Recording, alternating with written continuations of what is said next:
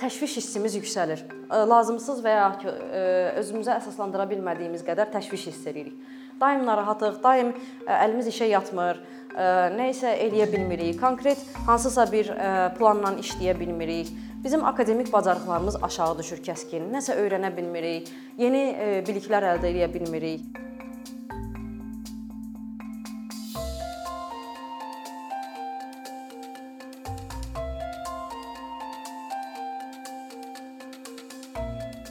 Yanma sindromu adı əsasən ruslar belə istifadə edirlər və rus dilli ədəbiyyatda bu cür adlanır.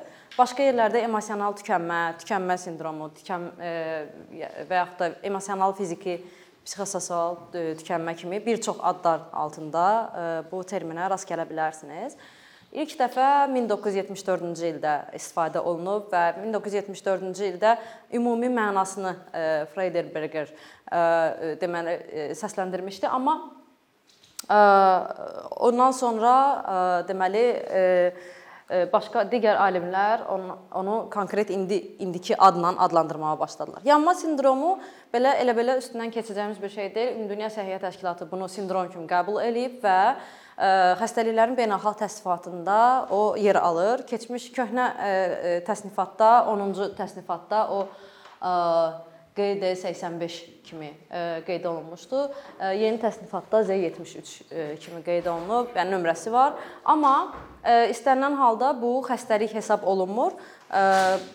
Bu sindrom nəyə görə sindrom adlandırılır? Çünki belə deyək də konkret tibbi birbaşa tibbi yolla və ancaq müalicə ilə sağalan bir şey olmadığına görə tam olaraq xəstəlik adlandırılmır. Yəni diaqnoz dəqiq deyil və müalicə e, üsulları tam tibbi deyil deyə birbaşa xəstəlik adlandırılmır. Xəstəlik adlandırılmamasının həm də digər bir səbəbi odur ki, bu e, müvəqqəti hallardan biridir. Bu e, bir müddətdən sonra keçib gedən, sağalan, e, bərpa olunan bir şeydir.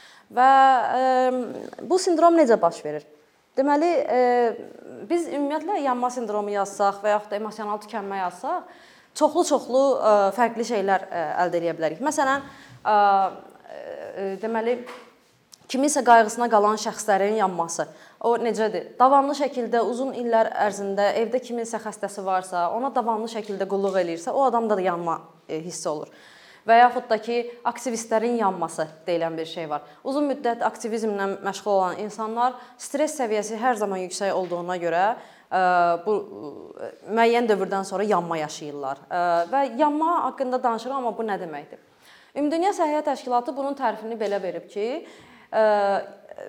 yəni iş yerindəki emosional yanmadan gedir söhbət. İş yerində davamlı stressi idarə etməmək nəticəsində meydana çıxan bir sindromdur və pozuntudur da deyirlər bəzən. Yəni stress e, var, stress mühitini biz e, kontrol edə bilmirik və ya eləməyi e, hər zaman ikinci plana saxlayırıq. Ondan sonra biz yanmaya artıq düşə bilirik. Ən son keçirilən sorğulardan biri UK-də, Böyük Britaniyada keçirilib və hətta deyim ki, əsasən yanma sindromundan əziyyət çəkənlər daha çox bu humanitar elmlər sahəsində çalışanlardır da, amma onlar daha texniki elmlərdə çalışan insanları sorğu ediblər və aydın olub ki, 79%-də yanmanın əlamətləri var. Kifayət qədər böyük rəqəmdir və bunun 35%-i kəskin yanma vəziyyətindədir. Artıq kəskin əlamətlər hiss olunur. Və e, buna e, artıq xüsusi müdaxilə lazım olur və onlardan 46%-i e, qeyd eləyib ki, mən işdən çıxmaq haqqında və iş yerimi dəyişmək haqqında düşünürəm. Yəni bunun da səbəbləri e, yanmadır. Yanma nə deməkdir bəs ümumi olaraq? Yanma sindromunu bir çox hallarda depressiya ilə qarışıq salırlar. Ona görə ki, depressiya ilə ortaq olan əlamətləri çoxdur. Məsələn, depressiyanın əlamətlərindən birini deyək, ən əhəmiyyətli şeylərdən biridir həzz almama heç bir şeydən həzz ala bilmir şəxs.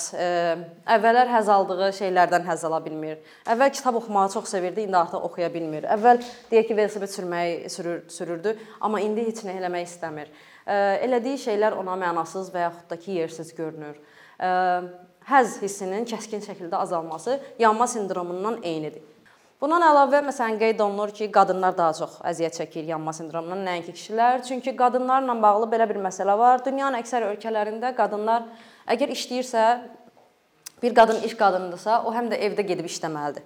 Yəni ki, işdən çıxır, qaça-qaça gedir uşağı məktəbdən götürdü, oradan bazarlıq elədi, qayıtdı, gəldi evdə yemək bişirdi, sabaha yeməklərini düzəltdi və s. və bu bu bitmədən, yəni ki, deyək ki, o çıxıb bir çox hə, bir çox yaşıdları kimi və ya digər kolleqalar kimi, deyək ki, kişi kolleqaları kimi gedib oturub pubda pivi içə bilmir. Deyək ki, hə, pubda pivi içməkdə yüngül görünməsin də, sizə bu sosiallaşmadır, burada əyləncə var və s. yayınma var və s. Amma bir çox hallarda qadınlar hər iki işi yerinə yetirirlər deyə qadınlar əksəriyyətən əziyyət çəkirlər və övladı olan insanlar da daha çox əziyyət çəkirlər, çünki onlar üçün həm işdə, həm də evdə bir ayrı bir qayğı var. Və e, depressiyanın başqa əlamətlərini də e, sadalayaq, gəlin. E, depressiya zamanı nə baş verir? Biz e, e, təşviş hissimiz yüksəlir. E, lazımsız və ya ki, e, özümüzə əsaslandıra bilmədiyimiz qədər təşviş hiss edirik. Daim narahatıq, daim e, əlimiz işə yatmır, e, nə isə eləyə bilmirik. Konkret hansısa bir e, planla işləyə bilmirik Bizim akademik bacarıqlarımız aşağı düşür kəskin. Nəsə öyrənə bilmirik, yeni e, biliklər əldə edə bilmirik, irəliləyiş eləyə bilmirik. Öz e, peşəmizlə bağlı yeni şeylər öyrənmək istəyirik, amma öyrənə bilmirik. Çünki stress səviyyəsi akademik səviyyəni dəhşət aşağı salır. Ona görə deyirlər ki, məsələn, hansısa bir məktəbdə uşaqların kimsə diqqət cəlb eləyir ki, bu uşaq əvvəllər başqa cür oxuyurdu. İndi qəfildən oxumağa başlayıb, oxumaqla bağlı ciddi problemlər yaşayırlar. Adətən müəllimlərə tövsiyə edirlər ki, Baxın görün o uşağın həyatında nəsə baş verib, bəs bəlkə ailəsində bir stress var. Çünki stress birinci mane olan ə, amillərdən biridir oxumağa, öyrənməyə. Və Digər ə, e, ə, e, əlamətlərdən biri yuxu rejiminin pozulmasıdır. Həm depressiyada, həm də yanma sindromu yaşayan insanların yuxu rejimi pozulmuş olur. Onlar vaxtında əvvəl yatdıqları vaxtda yata bilmirlər, yuxuya gedə bilmirlər və yaxud da ki, yuxunun keyfiyyəti aşağı düşür. Yəni daim oyaq yatırlar. Məsələn, dəqiqədən ayılırlar, çevriləndə belə ayrılırlar, ə, e, pis yuxular görmüş ola bilərlər. Səhərlər isə ə, artıq narahat yatdıqlarına görə yuxudan doymuş olmurlar və yaxşı iş gününə başlaya bilmirlər. Çünki beyin hələ tam dincəlmiş hiss eləmir. Depressiyada da eyni şeylərdən əziyyət çəkirlər və depressiyada bundan əlavə olaraq həm də səhərlər təşviş həddindən artıq yüksək olur. Bunun da səbəbi odur ki, səhərə qədər ifraz olunmalı olan müəyyən hormonlar ifraz olunmur, beyin REM yuxusuna gedə bilmədiyinə görə və səhərlər e, bu hormonlar olmayanda insan böyük təşvişlə narahatlıq hissi yaşayır və e, e, günə başlamaq istəmir. Amma bir arzusuzluq hissi başlayır ki, yenə də hansısa gün başladı, mən onun axırı necə çıxacağam axırına, bu gün nə vaxt bitəcək və s. Və depressiyanın əsas xüsusi əsas əlamətlərindən də biri odur ki, həm də intihara meylli olur insanlar, düzdürmü? Bir çox hallarda yanma sindromundan əziyyət çəkən insanlar intihar haqqında danışmırlar, amma e, işdə tez-tez burdan çıxıb getsəydim, bir yeri yeni bir yer tapa bilsəydim, daim iş axtarışındadırlar. Daim daim deyirlər ki, e, iş elanlarına baxırlar. Scroll eləyirlər, ora CV göndərirlər, bura CV göndərirlər və yaxud da ki, işdən yayınmaq üçün ən kiçik belə bəhanəni belə əldən buraxmırlar. Və Freudenberger bayaq adını çəkdiyim alimdir. Ən çox yanma sindromu haqqında tədqiqat aparan və yazan alimlərdən biri də Maslaçdır. Maslaçın ə, müxtəlif ə, kitablarını tapa bilərsiniz və tədqiqatlarını tapa bilərsiniz. Onlar bir qədər statistik olaraq köhnəliblər, yəni köhnə dövrə aidlər. Amma ilk olaraq bu mövzuya toxunan alim alimlərdən biridir. Və gəlin baxaq görək nə ola bilər. Ə, Bayaqlar dediyim əlamətləri biz bir çox hallarda ignor edirik həyatımızda. Yorulmuşuq, məsələn deyirik ki, ev yoxda keçib gedəcək və yaxud da ki, həzz almırıq, deyirik ki, ə, yaxşı başqa bir şey taparam amma sonra axtarmırıq və yaxud da ki, ə, bir dəfə, 5 dəfə günorta yeməyini keçirtdik, vaxt olmadı, ev yox, axşam yeyərəm. Sonra o birisi gün yenə, o birisi gün yenə və bu belə bir həyat tərzimizə çevrilir və biz buna fikir vermirik. Fikirləşirik ki, bu ciddi bir şey deyil. Halbuki o xırda şeylər var ki, o gündəlik bizim həyatımızda təkrarlanan yuxu, su içmək, qidalanmanın rejimlə olması və yaxud da ki, qidada daha sağlam qidaya fikir verilməsi. Və mütəxəssislər həmişə hər zaman qidanın bizim həyat tərzimizə, beynimizə, həmin hormonlara və ümumiyyətlə özümüzü yaxşı hiss etməmizə, hisslərimizə nə qədər böyük təsir elədiyindən danışırlar və hər zaman hər deyilir ki, hər gün heç olmasa bir öğün təzə e, bişməmiş qida, tərəvəz və ya meyvə yemək lazımdır. Gəlin görək e, daha kimlər əziyyət çəkirlər. Birbaşa insanla insan işləyir. Belə peşələr var da, bilirsiniz. Bir insan insanla işləyir. Kimlər var bu peşələrin içində? Kimlərdir? Deyin. Siz müəllimlər, hə? Sosial işçilər, vəkillər, psixoloqlar, jurnalistlər, həkimlər, bank işçiləri, tibb işçiləridir, bütün tibb işçiləri, mağazada işləyən insanlar, e, bütün servis verənlər, ofisiantlar və s. hə? Taksi sürücüləri. Onların işi lap çətindir. Bəli, amma ə, e, yəni çoxlu digər peşələr də var da. Mühəndis var, nə bilim, kran sürən var, bunun nə bilim, IT texniki var filan filan. Ə, onlar da müəyyən mərhələdən sonra artıq insanla ə, e, o faktorla qarşılaşırlar iş yerlərində. Çünki bir-birlərinə müzakirə edirlər, iclaslar eləyirlər filan. Amma daha çox o insanlardan danışılır ki, onlar birbaşa insanın ə, həyat tərzindən ə, hə onunla maraqlanan və onun üstündə işləyən insanlardır və daha çox bu insan problemlərindən işləyən peşələr e, həkimlər kimi deyək ki, daha tez yanma sindromuna məruz qalan insanlardır. Və bir çox e, yanma sindromundan əziyyət çəkən insanlar sinik olmağa başlayırlar. İşə qarşı sinik münasibət göstərməyə başlayırlar. Sinik münasibət nə deməkdir? Sinik münasibət deyəndə biz e, hər peşədə müxtəlif şeylər e, nəzərdə tutula bilər. Deyək ki, mən sosial işçi kimi sizə misal çəkəcəm. Biz otururuq sosial işçilərlə danışırıq və əgər mən deyirəmsə ki, əşi bunlar da bezdiriblər, hər dəfə gündə bir problemlə gəlirlər üstümüzə. Nə edeyim səni şey eləyiblər, döyüblər. Gözüm aydın səni döyüblər. Fikir verirsiniz, yəni ki, okey bu mənim işimdir, mən bunu görməliyəm, həm də görürəm də, görəndən sonra da belə lağ eləyirəm ya da kimsə gözləyirəm, telefonla artıq danışmışıq və mən ona qarşı belə belə bir belə pis bir belə iyrənc bir şey haqqında danışırmış kimi danışıram. Sinik münasibət çoxalır. Sonra insanlara qarşı aqressiv olurlar. Bunlar görmüsüz, gedirsiniz hansısa xidmət sektoruna, görürsüz ki, partladı sənin üstünə. Halbuki bu bayaqdan yığmışdı əslində neçə müddətdir. Adətən qıcıq hissini həm kollektivdə, həm də servis verdikləri insanlara qarşı göstərməyə başlayırlar aqressiv olurlar, tez yorulurlar, tez sıradan çıxırlar. Həmin gün ərzində məsələn eyni qədər işləməyib bəlkə də digərlərindən, amma artıq daha yorğun hiss eləyir, daha çox deyinir və s. Demək ki, bu müdafiə deyil. Deməli, bu işçilər haqqındakı sorğu keçirildi. Onlardan müəyyən elədilər ki, siz yanmısınız yoxsa yox. Onlar deyirlər ki, bir çox hallarda biz yanmamızı gizlətməyə çalışırıq. E, niyə insanlar yanmaqlarını gizlətməyə çalışsınlar? Çünki hər zaman deyilir ki, əgər belə bir şey hiss eləyirsinizsə, vaxtında müdaxilə etmək lazımdır, düzdürmü? Amma bax, işçilərin belə bir narahatlıqları var. Onlardan bir neçə cümləni bura qoymuşam sadəcə olaraq. E, mən e, qorxuram ki, məni tənbəl kimi qələmə verərlər və kollektiv elə bilər ki, mən tənbələm də, işləmək istəmirəm. Digərləri deyir ki, elə bilirəm ki, mən istirahətə getsəm bir çox şeyi əldən verəcəm. Nə isə buraxacam. Mənnəsiz nə isə olacaq, hansısa proseslər mən geridə qalacağam, çatdırmayacağam və s. Bəziləri deyir ki, mən həmkarlarımın üstünə çox yük qoymaqdan qorxuram. Elə bilirəm ki, mən getsəm mənim bütün işlərimi onlara verəcəklər deyə bu vicdansızlıq olacaq onlara qarşı. Mən bunu eləmək istəmirəm. Bəziləri elə bilirlər ki, onlar getdiyi müddətdə hansısa bir iclaslar olacaq, qərarlar qəbul olunacaq, onlar geri qalacaqlar. Gələndə həmin layihələrə qoşula bilməyəcəklər. Onlara deyəcəklər ki, sən vaxtında burada işdə olsaydın, bax falan layihəyə qoşulardın. Yəni bu qorxular insanlara imkan vermir ki, onlar öz dərdlərini danışsınlar belə deyək. Və işə götürənlər bilməlidirlər ki, onlar öz işçilərindən işçilərinin bu yanma sindromu məsələsində mərhələsində necəsə işləməlidirlər. Çünki işə götürən Azərbaycanda işə götürənlərin bir xeylisi öz işçilərinin məsələn qayğısına qalmır. Hiss eləyirik də bunu hamımız, düzdür işdə. Digər məsələ işçilərlə söhbət eləyin. Məsələn, qoyulan məsləhətlərdən biri də bu idi ki, işçilərinizlə vaxtaşırı söhbət eləyin. İşçilərinizlə söhbət eləyin nə deməkdir? Evdəkiləri soruşun, necədir? Ümumiyyətlə işdən sonra nə ilə məşğul olur? Hansı qayğıları var? Və yaxud da ki, nələr onu narahat eləyir? Əgər başqa yer haqqında düşünürsə, ora necə yer olardı və s. Yəni ki, işçilərinizin həyatından xəbərdar olmaq. Yəni əslində necə yaşayır işçi və onun hansı qayğıları var, o kiçik detalları əldən buraxmamaq üçün. Və ə,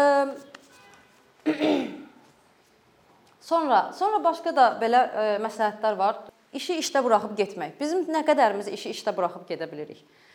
Çətindir. Xüsusən sosial işlərdə lap çətindir.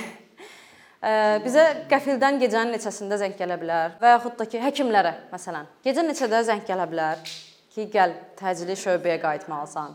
İşi işdə buraxmaq hər adamın işi deyil. Məsələn, deyək ki, jurnalistdir, hansısa qəfil hadisə baş verdi. Dəhşət.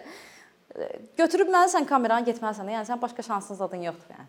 Əsas məsləhətlərdən biri bayaqlar dediyim kimi qida, yuxu bu şeylərə nəzarət etməkdən başqa ən böyük məsləhətlərdən biri budur ki, biz öz həyatımızda yeni şeylər eləməliyik. Məsələn, birini mən deyim.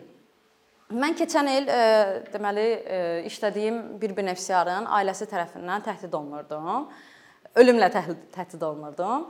Nəsə bu bir neçə ay keçdi filan. Mən fikirləşdim ki, day arxayın olmayım, heç kimə arxayın olası vəziyyət deyil. Belə eləyək. Mən 1-2 dənə heç olmasa hərəkət öyrənim, nəsə bir özümü müdafiə hərəkətlərdə və e, hər qəfildən nəsə qarşıma çıxsa bir şey eləyə bilim. Getdim, e, maraqlandım. Dedilər gələ bilərsən. Getdim Aikido-ya yazıldım. İndi mən Aikido-ya gedirəm. Mənim müdafiə filan texnikaları qalıb qıraqda. Mənim ən çox həzz aldığım bir şey var ki, mən 1 saatlıq telefonu e, söndürüb özümə vaxt ayıra bilirəm. Yəni şəxsi zaman. Bu şəxsi zaman bir çox hallarda bizim üçün əl çatan deyil. Yəni telefon hər zaman ordadır, hər zaman açıqdır və yaxud da hər zaman əlimizdədir, əlimizə yaxın yerdədir. Bu cür şeylərlə məşğul olanda isə, məsələn, üzəndə sən məcbursan ki, o texnikanı orada qoyasan və sən özünə vaxt ayırasan. Bax bu cür özümüzü məcbur eləmək ki, həmin o bütün bütün bütün qayğılardan uzaqda 1 saat ayıraq. Yəni 24 saatda 1 saat özünə ayırmaq və ya e, 7 günün içində 3 saat özünə ayırmaq çox böyük şey deyil əslində. Amma biz bir çox hallarda bunu özümüzə icazə vermirik.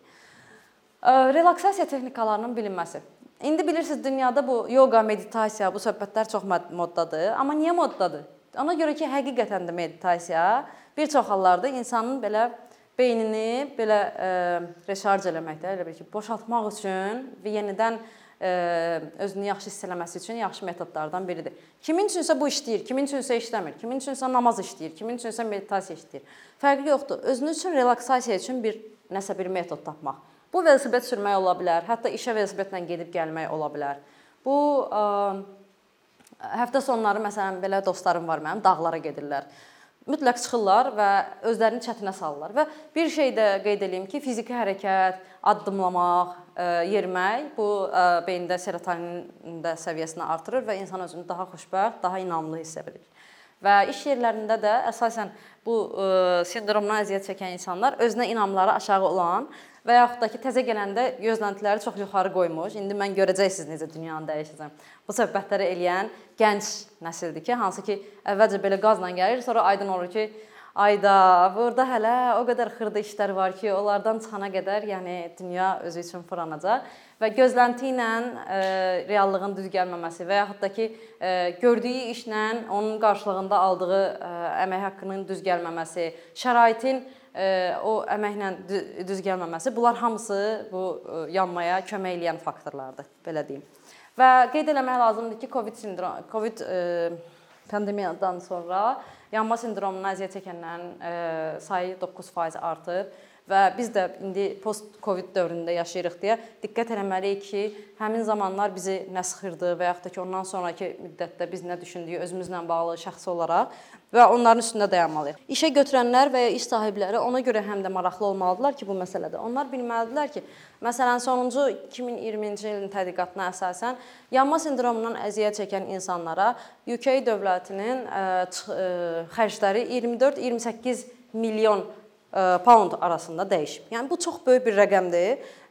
Orta hesabla hər şəxsə 2460 neçə pound deməli xərcləmiş olurlar. Yəni ki, bir adam yanmadan əziyyət çəkirsə, sonradan onun xərclərini qarşılamaq daha çətindir. Nəinki həmin adam preventiv tədbirlərlə, iş şəraitini yaxşılaşdırmaqla yanmadan qorumaq. Və ə, qeyd eləyim ki, yanmadan çox kəskin əziyyət çəkənlər ən azı 3 ay müalicə və ya bərpa dövrü keçməlidirlər. 3 aydan aşağı adətən effektiv olmur. 3 ay hansısa bir işçinin olmaması, xəstəlik bəhanəsindən çıxması və ki xəstəlikdir. Oradan da axı stress səviyyəsi artanda biz başqa xəstəliklər qarşısında dözümümüzü itiririk. Ona görə də onlar daha çox xəstəlik xəstələnmə bülletenlə çıxırlar və həm vergi cəhətdən əziyyət çəkirlər işə götürənlər və dövlətlər, həm maaş cəhətdən, həm işçi qüvvəsi cəhətdən və s. və s. Yəni ona görə də içinizdə iş sahibləri varsa, bunlar e, şəraitdə işçilərin şəraitinə daha çox diqqət etməlidirlər ki, belə xərclərə düşməsinlər. Beləm. Təşəkkürlər.